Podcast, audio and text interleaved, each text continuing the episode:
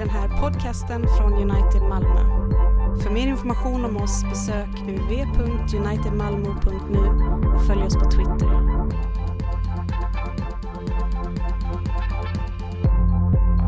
Upplyft era hjärtan till Gud och hör dagens heliga evangelium enligt evangelisten Lukas. Matteus evangelium 21, 1-9. När de närmade sig Jerusalem och kom till Betfage vid Olivberget skickade Jesus iväg två lärjungar och sa till dem, gå bort till byn där framme, så hittar ni genast ett åsnesto som står bundet med ett föl bredvid sig. Ta dem och led hit dem. Om någon säger något ska ni svara, Herren behöver dem, men han ska strax skicka tillbaka dem. Detta hände för att det som sagts genom profeten skulle uppfyllas. Säg till dotter Sion, se, din konung kommer till dig, ödmjuk och ridande på en åsna och på ett föl, ett lastdjurs föl. Lärjungarna gick bort och gjorde så som Jesus hade sagt åt dem. De hämtade åsnan och fölet och la sina mantlar på dem och han satt upp. Många i folkmassan bredde ut sina mantlar på vägen. Andra skar kvistar från träden och strödde dem på vägen. Och folket, både det som gick före och det som följde efter, ropade Hosianna, Davids son. Välsignad är han som kommer i Herrens namn. Hosianna i höjden. Så lyder det heliga evangeliet. Lovad vare du, Kristus. Han som kommer, det är det som har varit temat för eh, sångerna, musiken och nu också bönerna och bibeltexten. Och vi ska bara stanna upp lite grann just vid det här uttrycket advent. Det är någonting som är i antagande, någonting som är i ankomst. Vi har alla upplevt det på olika sätt och vis. Väntat på en buss som envisas med att aldrig komma. Eller ett tåg som kommer och det kommer med signalfel. Vi väntar på olika saker. När jag var liten kille så samlade jag under en period på, eh, samlade och lekte med Star Wars-gubbar. Och, och rymdskepp och alla sådana här grejer. Men jag var ju en liten, ung kille fattig för jag tjänar inga egna pengar så jag var helt utlämnad till mina föräldrars nåd och godhet att de eh, gav mig sådana här Star Wars-gubbar. Det fanns speciellt två datum då man kunde förvänta sig detta. Det skedde inte ofta, en helt vanlig dag. Men eh, på sommaren på min födelsedag och på julafton då, den 24 december kunde man önska det i julklappar. Och det var liksom så här lagom utspritt. En födelsedag mitt i sommaren och så julafton mitt på julen. Men eh, det finns ju en period däremellan. Oktober när det kommer liksom och det är grått, mörkt och tråkigt. Och man har liksom tyckt att de här födelsedags Presenterna som man fick i juli, de känns lite beiga Och man går nu och längtar efter det man ska få på julafton. Lite så är det att fira advent. Det är någonting som har skett någonting som har kommit, någonting som vi har fått, men fortfarande fattas det något för att hela bilden ska bli fullt komplett. Vi firar att han har kommit, men vi väntar fortfarande på att han ska komma igen. Min lilla Star Wars-styrka, den växte och växte och jag hade mycket. Men inför en jul så hade jag hittat det här fantastiska paketet med det här stora skeppet. Jag visste ju, jag har det redan fast ändå inte. Det är lite trixigt när man är i den åldern. Man har alldeles för rent samvete för att liksom kunna med att plocka upp det och börja leka med det. Men jag tog ner paketet i förpackningen, satte upp mina gubbar runt omkring det och kände att jag har det. Fast ändå inte. Redan men inte fullt ut. Och så fick jag stoppa upp paketet där mina föräldrar förtvivlat dåligt hade gömt det och vänta och vänta till den 24 december och när man hade ätit och man hade tittat på kalanka och alla andra religiösa ritualer så var det äntligen dags att få öppna det på riktigt. Så är det kristna löftet. Vi har det redan nu men inte riktigt ännu. Det är inte tvivel att man tänker, ska det komma? Nej, jag visste, det ligger ju där och väntar på att tiden ska vara inne. Och det är ju vad den här tiden handlar om. Adventstiden och jultiden. Att just tiden var inne. Jungfrun ska bli havande. Hon ska föda en son. Och Josef får uppdraget att ge honom namnet Jesus. För han ska frälsa sitt folk från deras synder. Folket som eh, möter Jesus när han rider in i Jerusalem och du kan vara helt lugn. Det blir inte en vanlig sån här en och en halv timme, timmes predikan utan vi ska hålla det på max 50 minuter här i. Eftersom det är så varmt och skönt, eller hur? Folket som vi möter i den här texten, de verkar inte bli chockade, de verkar ha väntat. De är redo och de kopplar lite grann med vad som sker. När Jesus rider in på åsnan så är det inte bara liksom, jaha, här kommer en snickare på en åsna. Varför ska vi ha så mycket uppståndelse över det? Utan de verkar se att det här hänger ihop. Vi läste i texten att där fanns med de här gammaltestamentliga texterna. Se din konung kommer till dig. Det var skrivet långt innan det skedde. Och sen står det att folket som gick med honom, de ropade välsignade han som kommer i Herrens namn, Hosianna i höjden. Alltså, nu sker det. Nu kommer han, han som vi har väntat på. Och man skulle kunna säga att folket som tog emot Jesus präglades av tre stycken saker. För det första, de hade koll på vad Gud hade lovat. De visste vad skrifterna sa. För det andra, de hade väntat länge. Och för det tredje, de hade insett att de behövde hjälp. Hjälp av Gud. För det är vad Hosianna betyder. Gud kom och hjälp oss. Rädda oss. Fräls oss. Därför blir det stor glädje varje gång Jesus dyker upp. Då såväl som nu. Om man har koll på vad Gud har lovat. Om man har väntat, trott och bett.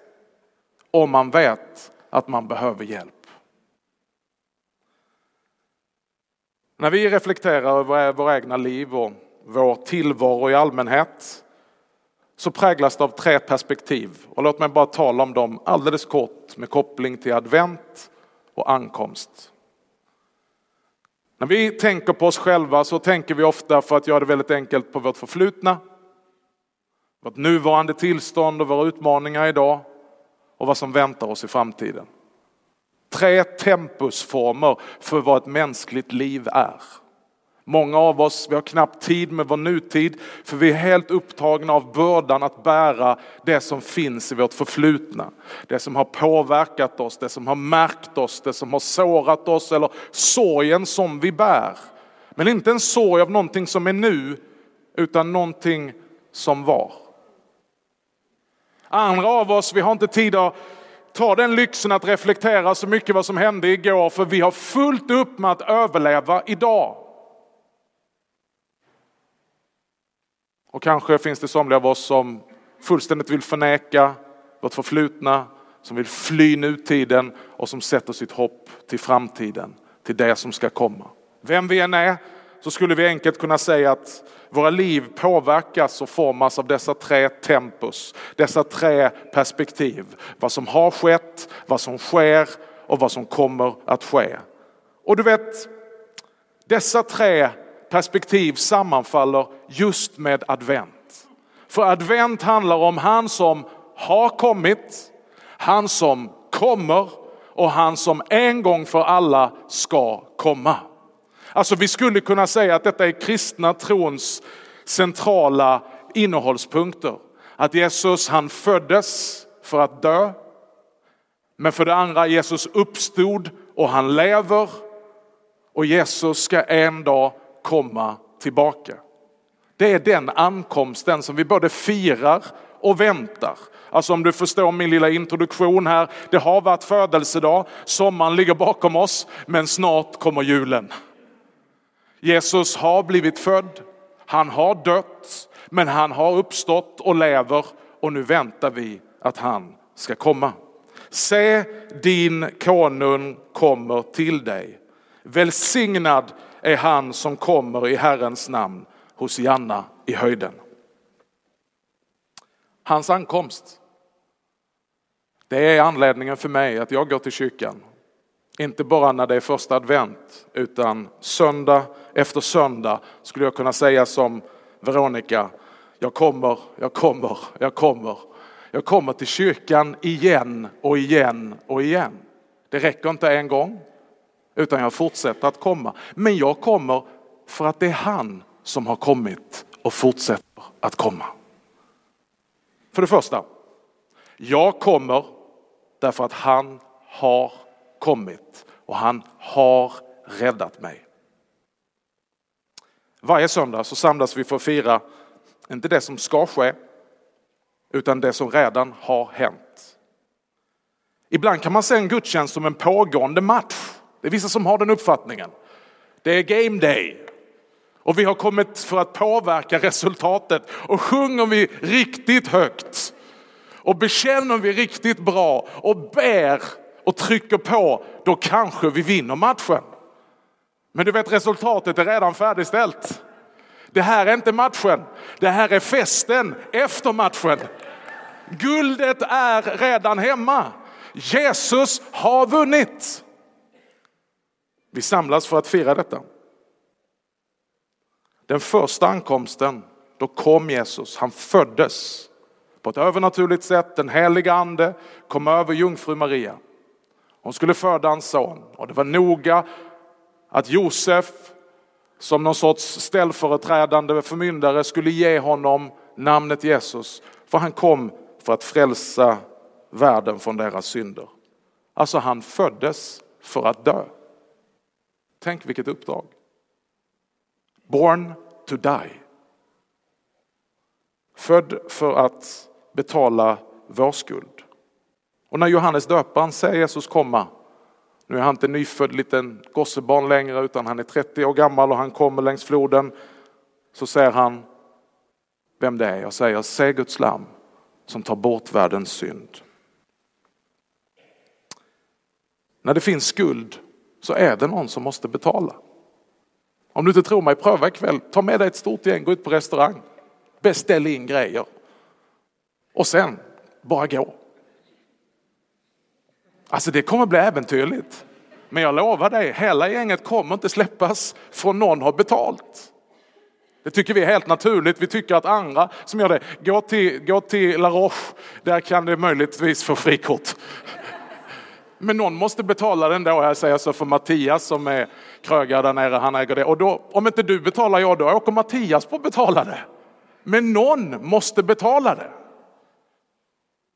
Du får betala för den här reklamen sen. Där det finns skuld är det alltid någon som måste betala.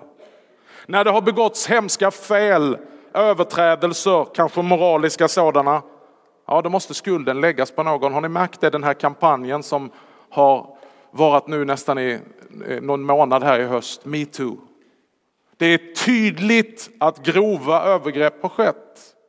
Men nu börjar man skyffla runt skulden. Det är systemet, det är strukturen, det är porren. Det är någon, och det är, det är säkerligen så att det bidrar. Men när ska du och jag kunna inse Me too. Jag har gjort fel. Att erkänna skuld. Problemet med att erkänna skuld, synd, det är att det leder till straff. När det har skett brott så måste straff utdelas. Och det har vi sett i vårt samhälle där vi har utrotat det här som heter för synd och skuld och propagerat för gränslöshet och frihet och ingen ska känna någon skam och så har det slått tillbaka. Och helt plötsligt är vi ganska duktiga på att både utdela straff och skicka runt skuld. Varje människa kommer någon gång i sitt liv i kontakt med skulden. Men då har jag goda nyheter för dig. Jesus Kristus kom för att betala räkningen. Jesus Kristus kom för att ta upp notan. Jesus Kristus kom för att bli skambocken. Den som skulden kunde läggas på. Det har han gjort. Han kom och han föddes för detta. För att våra synder skulle bli lagda på honom. Våra sjukdomar skulle bli lagda på honom. För att vi skulle kunna gå skuldfria. Därför kom han för att lida och dö i ditt och mitt ställe. Gud har bevisat sin kärlek till oss genom att Kristus dog i vårt ställe medan vi ännu var syndare, säger Romarbrevet 5. Därför är det härligt att veta att jag behöver komma för att han har kommit. Han har dött, han har tagit skulden. Han har burit min synd i mitt ställe.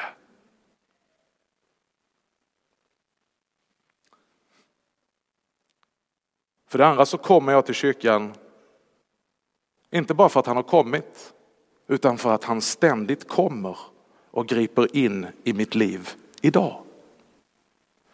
När vi är samlade här så är vi inte bara samlade och sjunger och tänker och talar på någonting som har hänt för 2000 år sedan. Och liksom vi håller minnet vid liv och försöker liksom se till att inte Jesus ska bli bortglömd. Vi firar någonting som har skett, han har kommit, men vi kommer också i förväntan att han kommer. Jag kommer till gudstjänst för att Jesus kommer till mig här i gudstjänsten.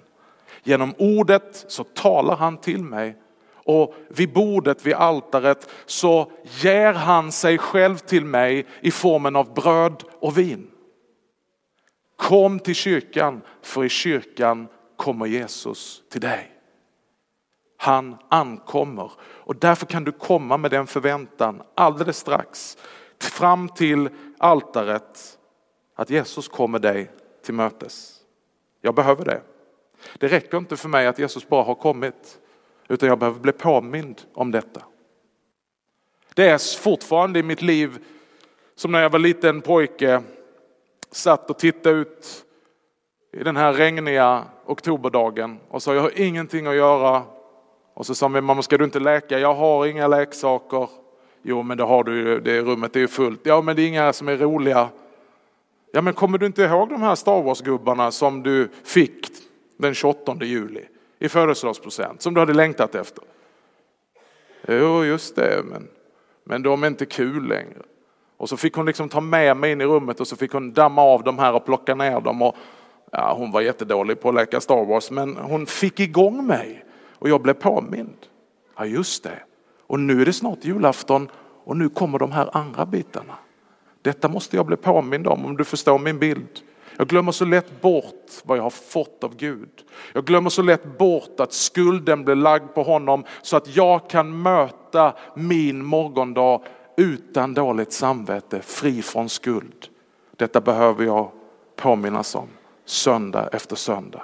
Han kommer och han kommer för att tala till oss. Han kommer för att röra vid oss. Och sist men inte minst. Jag kommer till kyrkan för att han ska komma en gång till och det är en gång för alla. För att ställa allt till rätta för alltid. Jesus kommer. Det här är centralt i den kristna tron och som vi alldeles strax ska bekänna i trosbekännelsen. Jesus kom. Jesus kommer söndag efter söndag i sin kyrka och Jesus kommer tillbaka för att ställa allting till rätta. Nej, det är sant. Jag sätter inte mitt hopp till världsfred, till någon politisk makt. Vi ber för dem och vi hoppas att de gör ett bra jobb och det förväntar vi av dem. Men den slutliga freden, fridsfursten, det är Jesus Kristus. Det är mitt hopp. Det är att han ska komma tillbaka. Jag tror det. Det kan låta knepigt, vidskepligt, lustigt. Men vet du vad? Det ger mig frid. Att fridsfursten en gång ska komma och ställa allt till rätta. Det ger mig hopp när jag möter orättvisa. Det blir mitt hopp när jag ser människor lida, när jag ser människor förtryckas och när jag märker att jag också ibland är en del av den strukturen som förtrycker. Jag tänker, hur ska det bli med oss Och hur ska den här världen som är så skev någon gång komma i rätt form igen? Men så vet jag, han har kommit. Jag har mött honom för han kom till mig i gudstjänsten. Och en dag så ska han komma igen för att återupprätta allt som har fallit. Detta är den ankomst som vi firar. Låt oss därför stå upp tillsammans och bekänna vår kristna tro